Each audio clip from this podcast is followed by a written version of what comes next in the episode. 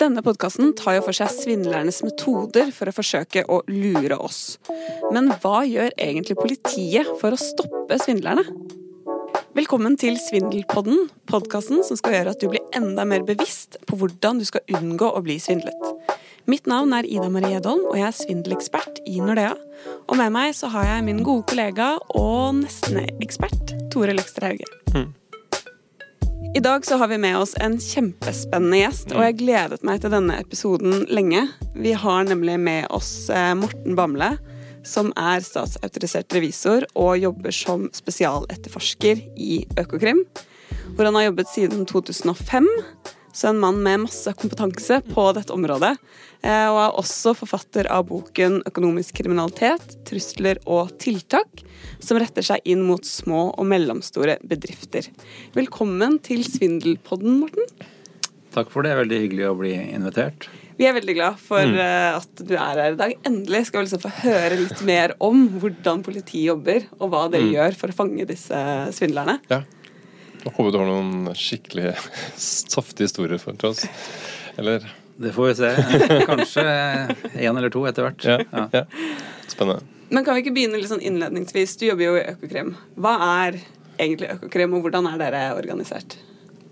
Eh, ja, Økokrim ble eh, etablert så lenge tilbake som i 1989. Og Bakgrunnen for det var altså at det ikke var tilstrekkelig fokus på bekjempelse av økonomisk kriminalitet. At de store gikk fri. Mm. Og Den gangen så ble det etablert med i underkant av 30 medarbeidere.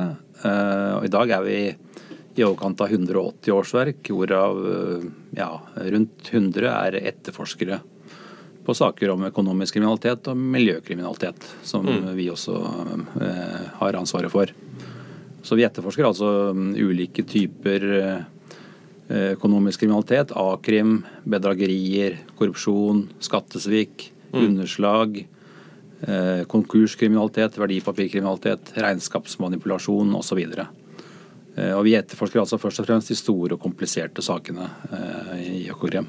Mm. Og Det er et særorgan, som det heter, altså underlagt eh, Politidirektoratet som politiorgan. Og så er det som statsadvokatembetet, så er det underlagt Riksadvokaten. Mm.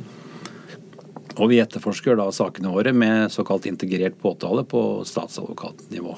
Hva vil, hva vil, det egentlig si? Det vil si at fra starten av en sak så er det med en førstestatsadvokat mm. Eh, først og fremst, da, eh, som eh, er med og leder etterforskningen av saken, egentlig. Altså har en hånd mm. med i, i etterforskningen allerede fra dag én.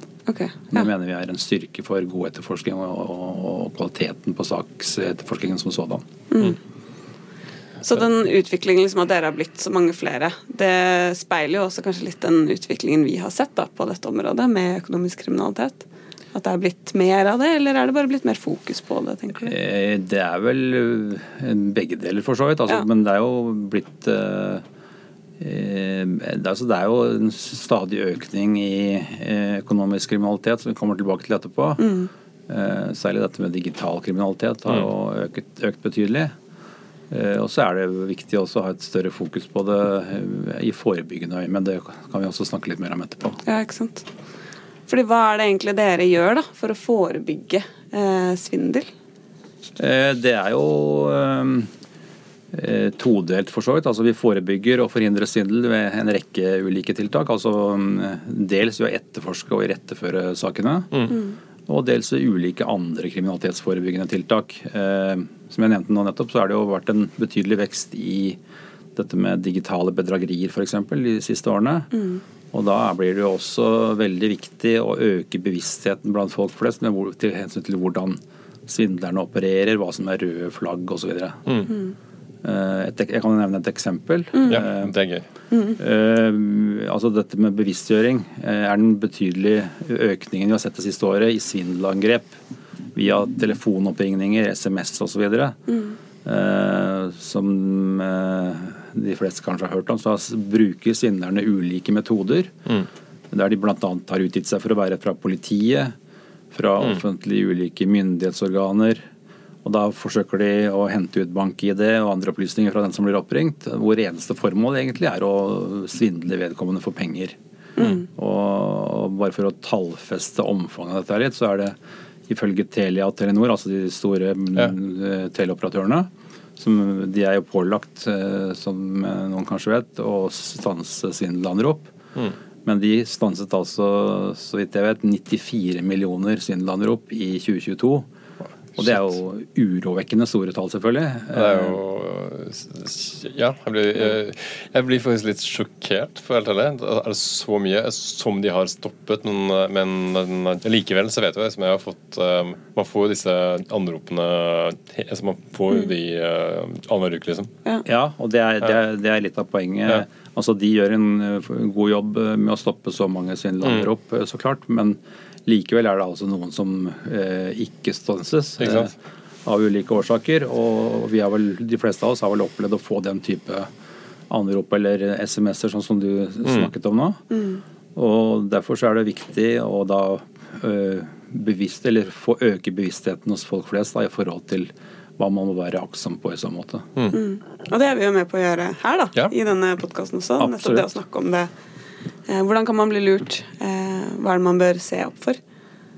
Ja, ikke sant. Og det er altså, som dere kanskje har vært inne på i tidligere eh, versjoner av denne podden, mm. så er det altså De bruker jo eh, disse svindlerne bruker metoder. Enten så er det et utenlandsnummer eller et norsk nummer, men det kan jo også være et nummer som man til og med har en viss kjennskap til fra tidligere. Ja, fordi det er det er det er en svindelmetode, ikke sant. Og da er det ikke alltid lett å vite at du eh, der og da blir utsatt for en svindel. Men man må altså da være eh, veldig eh, varsom, eller man skal aldri gi fra seg sensitiv info til personer og virksomheter som henvender seg til deg og ber om den type opplysninger på telefon, SMS eller per e-post. Altså det gjelder personopplysninger, ID-info, passord, PIN-koder osv.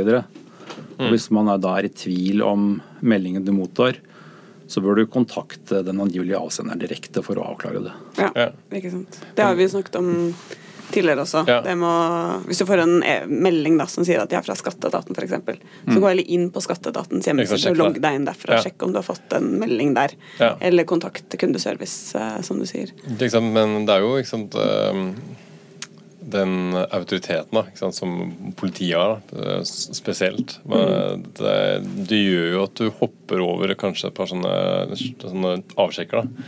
At hvis eh, Hvis jeg hadde angivelig fått en melding, eller fått en melding fra noen som angivelig er fra politiet, så eh, har man liksom tatt den derre eh, beskyttelsen eh, litt grann allerede. Ja. Eller hvis de ringer, som vi har sett en Ja, del saker på, at de gjør Ja. og sier 'hei, jeg er fra politiet'. Ja.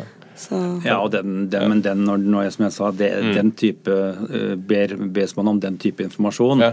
så eh, fra politiet f.eks., eller fra Ja. Altinn eller fra Helse Norge osv., det skjer aldri. Altså da, Ja. da, er det, da er det utsettes du høyst sannsynlig for et svindelforsøk. Ja. Så da må du rett og slett kontakte Ja.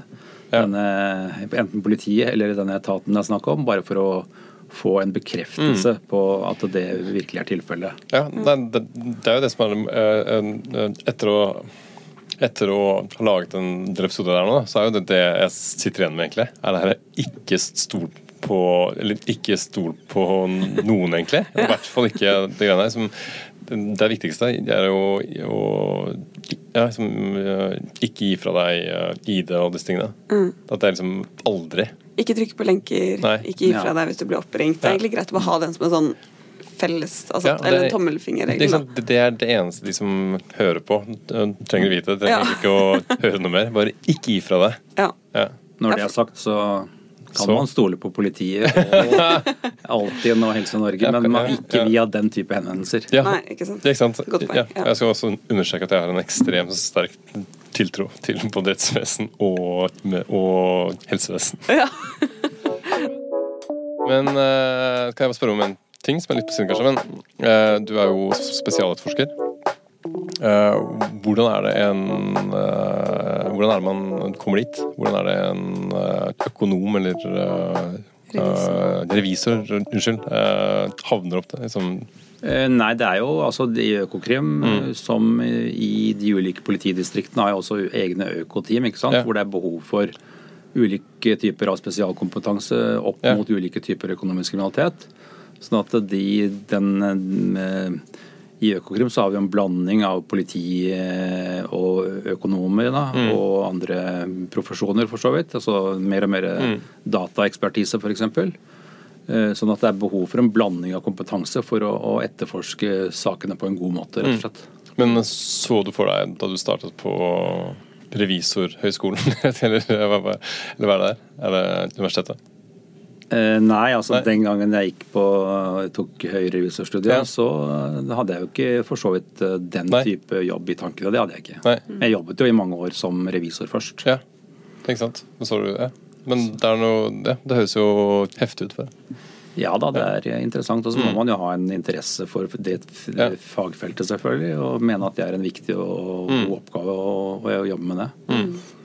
Så, men sånn, vi- for å oppsummere det vi har snakket om, hva gjør Økokrim for å forebygge svindel? Yes. Så er det altså Det er jo mer og mer eh, viktig å drive med forebyggende arbeid, ikke bare i egenskap av eh, etterforsking og retteføring av saker, men også dette med ulike typer andre forebyggende eh, aktiviteter da, og, og tiltak. Uh, og det Vi har et stadig sterkere fokus på det. Uh, Et sterkere fokus på det enn tidligere, vil jeg si. Og vi kommer også til å, eller vi er i ferd med å opprette en egen bedragerienhet. Kult.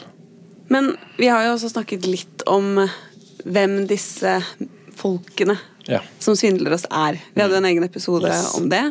Eh, Men hva vet dere egentlig om de som står bak disse svindelangrepene? Hvem, hvem er de? Nei, det er vanskelig å svare eksakt på det. Det er jo også svindlere og for så vidt andre kriminelle. Det er jo en svært uensartet gruppe, selvfølgelig. Ja. Eh, Men som jeg har vært inne på allerede, det er jo en klar vridning over mot eh, digital kriminalitet. Og da eh, herunder at kriminaliteten i stadig større grad er globalisert. Da. Altså ved at de kriminelle i stor grad ikke befinner seg i Norge. Ja. Og Norge er jo et velstående land på mange måter. eh, og ut fra det en slags honningkrukke da, for organiserte kriminelle som opererer fra utlandet. Og det gjelder jo for så vidt en rekke andre vestlige land også.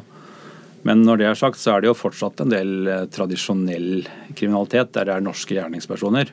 Mm. Men altså denne trenden er at eh, mer og mer i retning av digital kriminalitet. eh, Utført av ulike personer i ulike eh, utland. Og de er da ofte i stor grad organiserte og svært profesjonelle eh, ofte også. Eh, Og opererer da delvis fra land hvor det er vanskelig, eh, i hvert fall til tider, å få tilstrekkelig innsyn. Eksempelvis ved innhenting av relevant bevismateriale. Og, og digitalt utført kriminalitet gjør det også dessverre noe vanskeligere å finne de aktuelle gjerningspersonene. Men samarbeider dere noe med andre land for å finne disse? Ja, vi samarbeider med en rekke andre land, eh, for så vidt. Litt avhengig av type sak, selvfølgelig. Eh, Det Jeg kan jo ta det nå. Eh, Vi kan komme tilbake til denne bedragerienheten, men i alle fall det som nylig er etablert et utvidet samarbeid med de nordiske landene eh, for nettopp med for, ha dette for øye, dette med etterforsking og, et, og forebygging av bedragerier. Ja. Så der er har vi, er vi i ferd med å, å øke den innsatsen eh, med, i samarbeid med de nordiske landene. Og så har vi jo selvfølgelig stor grad av samarbeid med eh, andre land. Enten direkte via enkelte jurisdiksjoner ut fra type sak, og også via Interpol og Europol. Som er også de to store politiorganisasjonene, for å kalle det Men vi har jo også lest noen saker nå i media ganske nylig hvor vi ser at det faktisk er folk bak særlig disse phishing-angrepene eller Olga-svindel eh, som blir arrestert. Og det er jo veldig fint å se. Eh, Men kan du ikke fortelle litt om det jeg i hvert fall lurer veldig på? Okay. Hva gjør dere på en måte når dere etterforsker saker? Um, Jeg kan først ta litt om uh, andre vil ikke Uh, jeg, jeg skal, jeg skal Ja, ja. komme tilbake til det, men eh, for å, bare, eh, for å ta litt Ja. mer rundt dette med, dette med bedragerisaker og, og antallet som er i voksne. Ja. ikke sant? I 2022 ble det altså registrert over 23 000 bedragerisaker i Norge. Ja. Det er ganske Altså, hvor, hvor mange da? 23 000. 23 000? Ja, og det er jo ganske mange, og det er en økning da på hele 20% fra året før. Ja, herregud. Eh, Og det reelle antallet er sannsynligvis eh, en god del høyere enn det også, i og med at mange ikke anmelder. Ja, ikke sant, for det er jo- Eh, Fordi det er mindre ja. bedragerier osv., og, så videre, og det tar litt tid å gå til politiet og, og, og levere inn en anmeldelse. Eh, Og så er det én ting til. Det er jo også at eh, det er sikkert noen som ikke vet engang at de er blitt bedratt. Eller Det er Eh, kanskje en ting. mener? Ja. Hvis, en svindler er, hvis en svindler er skikkelig god, så vil han jo, eller hun, vil jo da klare Ja. helt. Så det er Det kanskje det er bitte liten prosent av folk som bare helt sømmeløst bare har latt seg eh, svindle.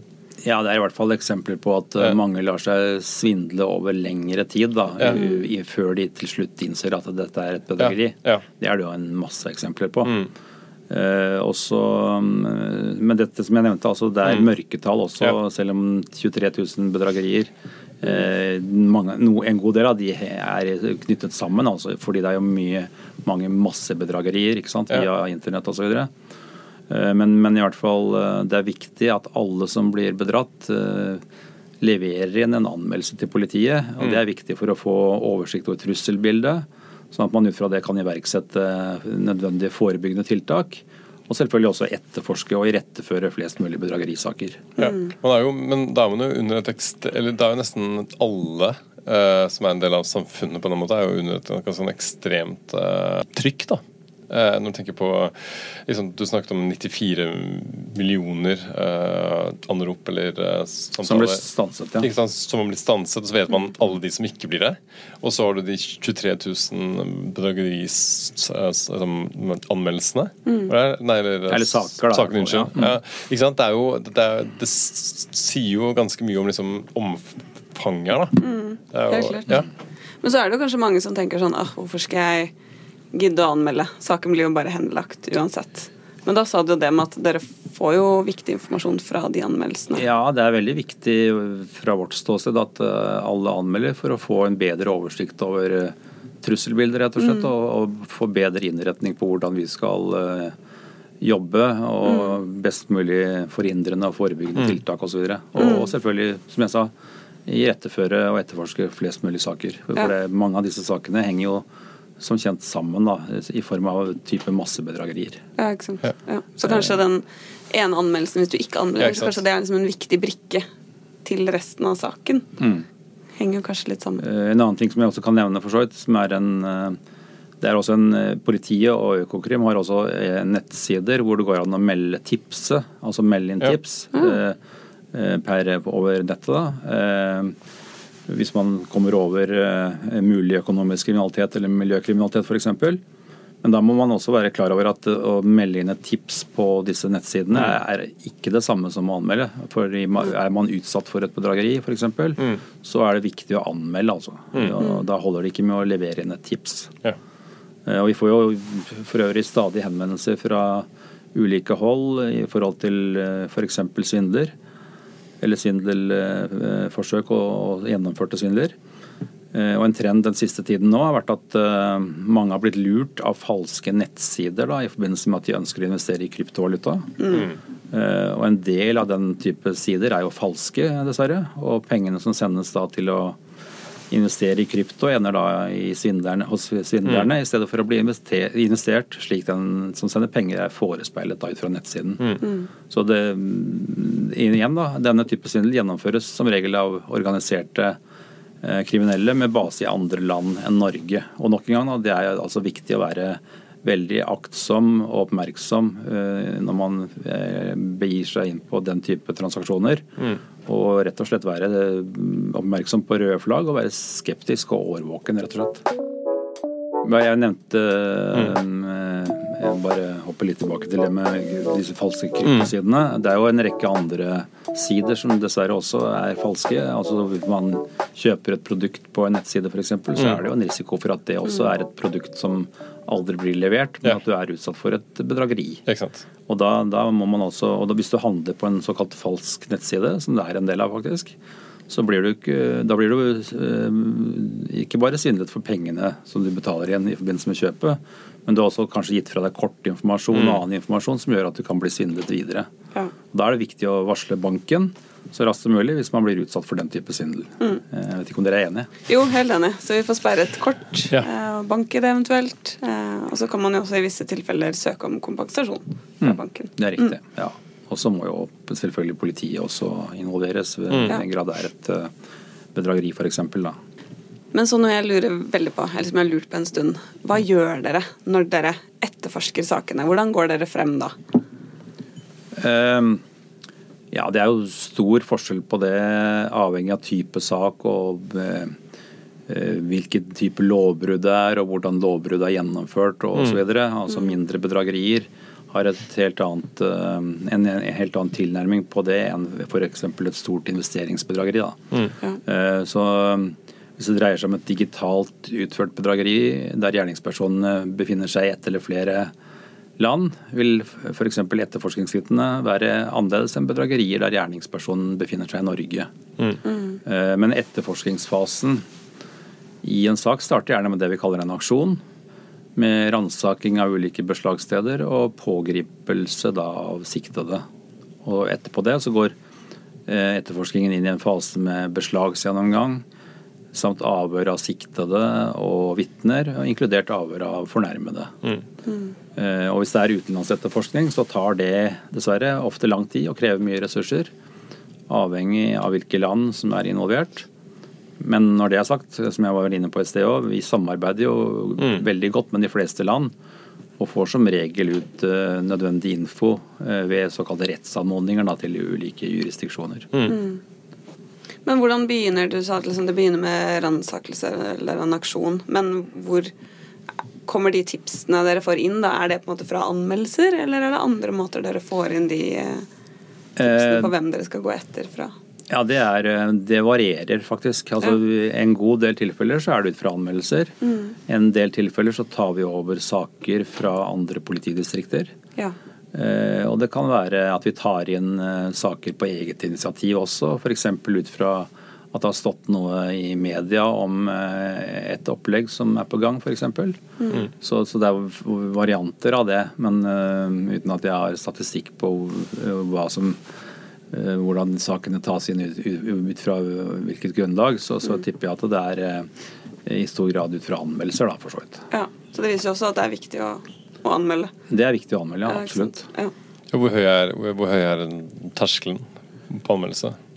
Nei, altså som, som jeg sa i sted, så er det, det er viktig å anmelde, men da man, man må i utgangspunktet anmelde Eller man ikke bare i utgangspunktet, man skal anmelde til det politidistriktet man hører Ja. hjemme i. Og så er det noen, I noen tilfeller så får vi anmeldelser direkte til oss også, men det er da ofte større saker. ikke sant? Eh, og så, så terskelen for å anmelde, det er ikke noe minimumsbeløp som ligger til grunn der. Nei. Man skal egentlig kunne anmelde selv om man bare er bedratt for noen få kroner. altså. Men det er jo også, tenker jeg, det er også viktig forebyggende tiltak. Det med at man faktisk får arrestert folk og dømt dem. Eh, For, for å vise at liksom dette Jeg syns er det er det aller beste forebyggende ja. tiltaket. Det er kjempebra. Ja. Ja, det er jo ingen tvil om at det er viktig å få domfelt de som begår lovbrudd. Mm. Fordi det har jo en forebyggende eh, effekt i seg selv. Men i tillegg, så lenge det er såpass eh, stor aktivitet med hensyn til bedragerier mm. altså digitale bedragerier ikke minst, så er det eh, veldig viktig med andre forebyggende tiltak også. Ja, og forhindrende tiltak, eh, Ja. som f.eks. banker til dels holder på med. da. Mm. Så det, så det er en blanding vil jeg si, av hva som er veldig viktig for å forebygge og forhindre Ja. og effektivt bekjempe kriminalitet eller økonomisk kriminalitet. Nå har vi jo snakket, eller Det vi har snakket om nå, er jo kanskje mye bedrageri rettet mot privatpersoner.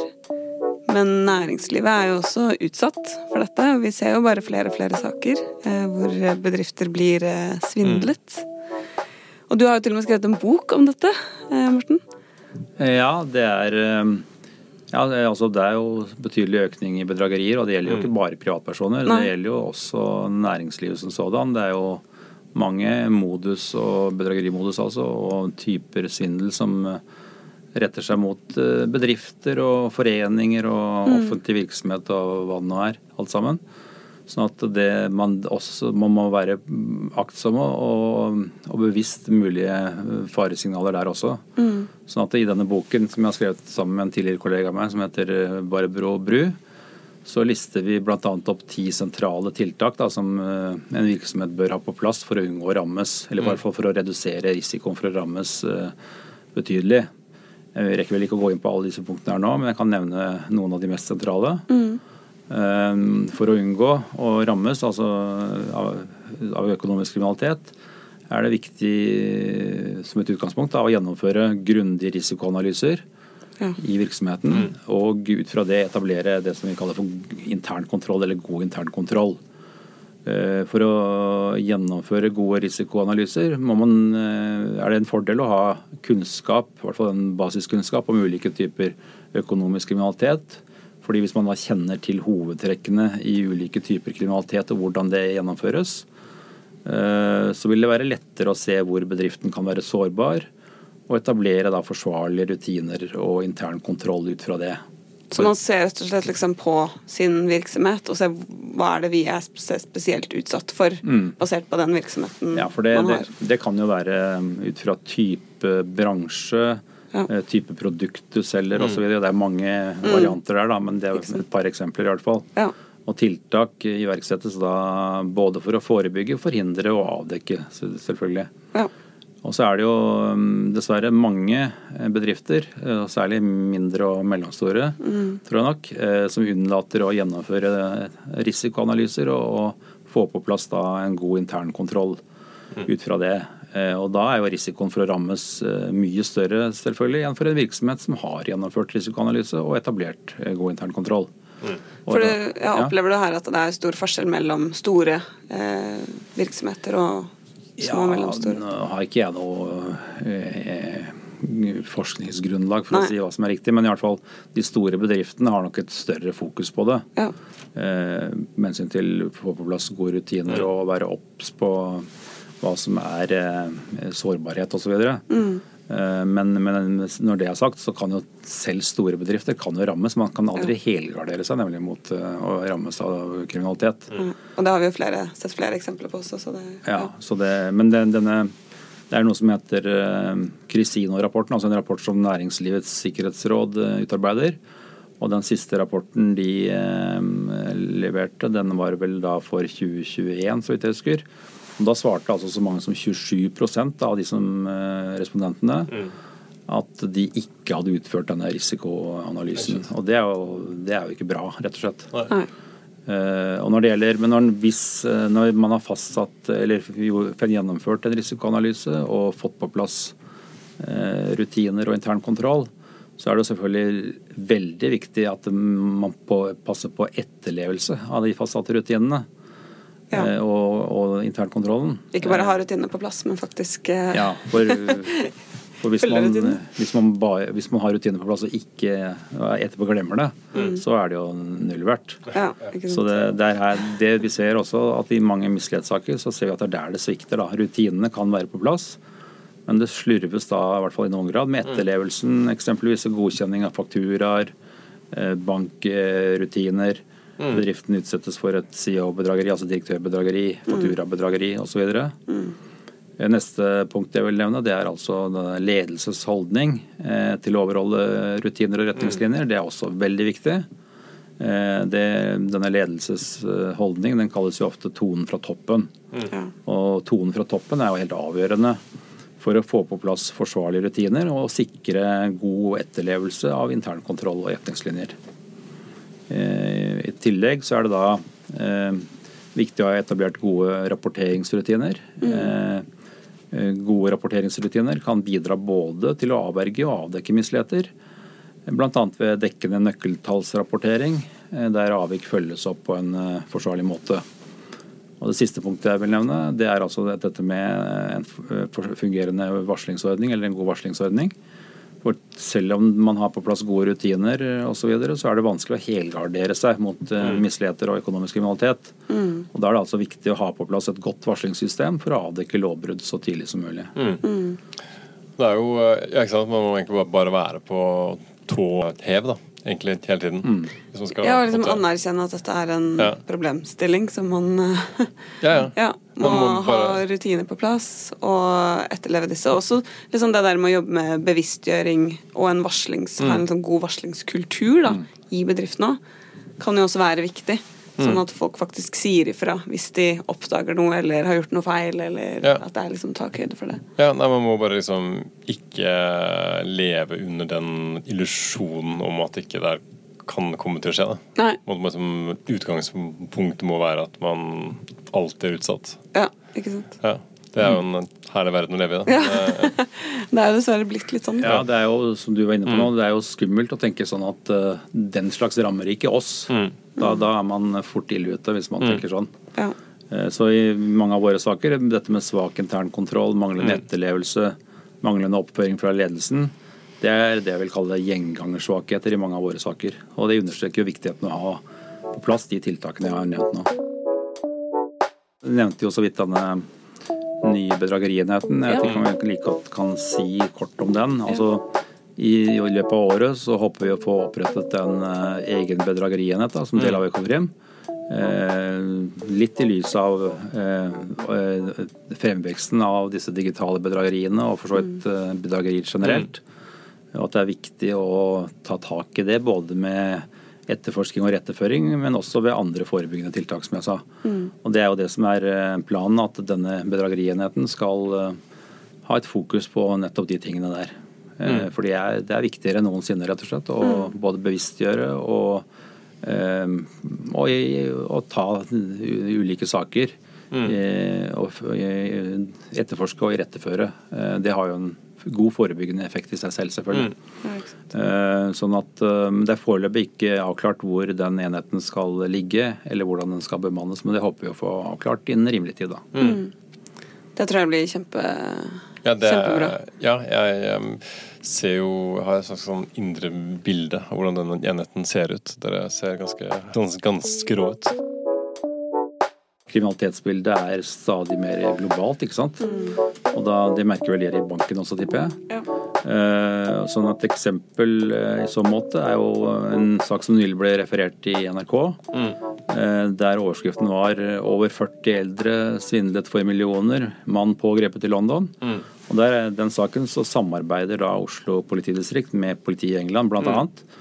Og denne mannen som da ble pågrepet, han hadde da svindlet eldre norske borgere ved bruk av såkalt phishing. Ja. eh, I hvert fall som en del av opplegget. Eh, Og den saken inkluderer også bruk av såkalte pengemuldyr, som altså bidrar da til å hvitvaske utbytte fra svindlerne. Eh, For den som vil lære mer om hvordan man skal beskytte seg mot phishing, så kan man jo f.eks. da lese om det på nettsiden nettvett.no. Mm. Det er en veldig fin eh, nettside, nettvett.no. Ja. Eh, og så kan vi jo også si at de kan høre på en episode, tidligere episode i Svindelpodden, Ja, hvor vi snakker om Definitivt. phishing. Og vi også spiller av en uh, samtale. Eller en Ja. konstruert samtale. Ja, en ekte rekonstruert samtale. Ja. Men, eh, nei, men det er jo ekstremt uh, kult at man samarbeider såpass tett. Ja, det er, Ja. og det er viktig. Eh, Når jeg var inne på dette med pengemuljer, det er ikke kanskje alle som er klar over hva det innebærer, men jeg vet ikke om dere har vært inne på det i Vi har snakket litt om det, men eh, vi kan Ja. gjerne gjenta det. det er, Ja, det er kanskje greit å vite et, at et muldyr er en blanding mellom en hest og et esel. Ja. Det er ikke bare, det Nei, men jeg syns det er ok å bare ha det der. Ha det i mente. Ja. Men uh, bruk av pengemuldyr, altså i, i menneskelig forstand, da, det har uh, hatt en økende tendens uh, i det siste. Det merket har vi merket. Og det er til dels yngre personer som da lar seg bruke som pengemuldyr ved at de mottar penger på egne konti, der disse midlene da viser seg å være ulovlig ervervet. Og så flyttes de pengene videre, da, ofte i flere transaksjonsledd. Eh, og i Norge har vi sett uh, eksempler på at barn og unge ned i 14-15-årsalderen har blitt manipulert til å fungere som pengemuller da, i bytte mot penger og andre goder. Eh, og det er også blitt, Facebook har også blitt brukt til å verve folk til å være Ja. pengemuldyr. Så det fordekt da som en deltidsjobb. Mm. Eh, Så det er altså Den som lar seg bruke som pengemuldyr, må da være klar over at eh, man risikerer betydelige konsekvenser. Ja. Både ved straff, eh, selvfølgelig, og også bli svartelistet av bankene, så vidt jeg har forstått. Ja, altså Det vi ofte ser, det er jo at utbytte fra de ulike bedrageriene overføres videre Ja. rett til en såkalt muldyrskonto, da, og så videre til f.eks. svindlerskonto eller ut av landet. Så man er jo helt klart delaktig i, eh, Ja. i altså, svindelkjeden og Ja, men- med på hvitvaskeutbytte. Det. Ikke sant? For det, det er jo det der. Og det er jo eh, det jeg tror i liksom en sosial måte, hvor man sender meldinger og vips og alle disse tingene som, veldig, som går veldig hurtig. da. Ja. Man kanskje ikke tenker så mye over det, men så er det faktisk eh, Du kan bli Ja, da er du med Medskyldig. Ja, ikke sant, medskyldig. Det Er litt skremmende å tenke. mm, faktisk. Men tusen takk, Morten, for at du eh, hadde lyst til å være med her i Svindelpodden. Det var skikkelig spennende å høre om hvordan dere jobber, og få vite litt mer om hva som skjer på den andre siden. Og så må vi jo bare oppfordre folk til å fortsette å anmelde hvis de har blitt utsatt for eh, svindel, eller Ja. blitt svindlet. Fordi det kan være en viktig brikke i det liksom store puslespillet som Ja. dere sitter med. Takk for at jeg fikk komme. Jeg ville bare tilføye til du sa dette med å anmelde, men også er det viktig at alle er da selvfølgelig bevisste på eh, det jeg kaller for røde flagg. Da, altså mm. mistenkelige hendelser f.eks., eller mistenkelige SMS-er eller telefonoppringninger. Så vær veldig skeptisk og gjør som vi har snakket om nå tidligere i poden. Og unngå å bevege deg inn på ting som du kan angre på etterpå. Ja. Mm. Er det en eh, trussel eller en advarsel? Det er absolutt en, en oppmodning. Oppfordring. Takk for at du hørte på. Hvis du har lyst til å høre mer fra Svindelpodden, så kan du gå inn og abonnere, så du får beskjed om når neste episode slippes. Og del gjerne med venner eller bekjente som du tenker eh, kan ha nytte av å høre på dette. Du har hørt på Svindelpodden, en podkast fra Nordea.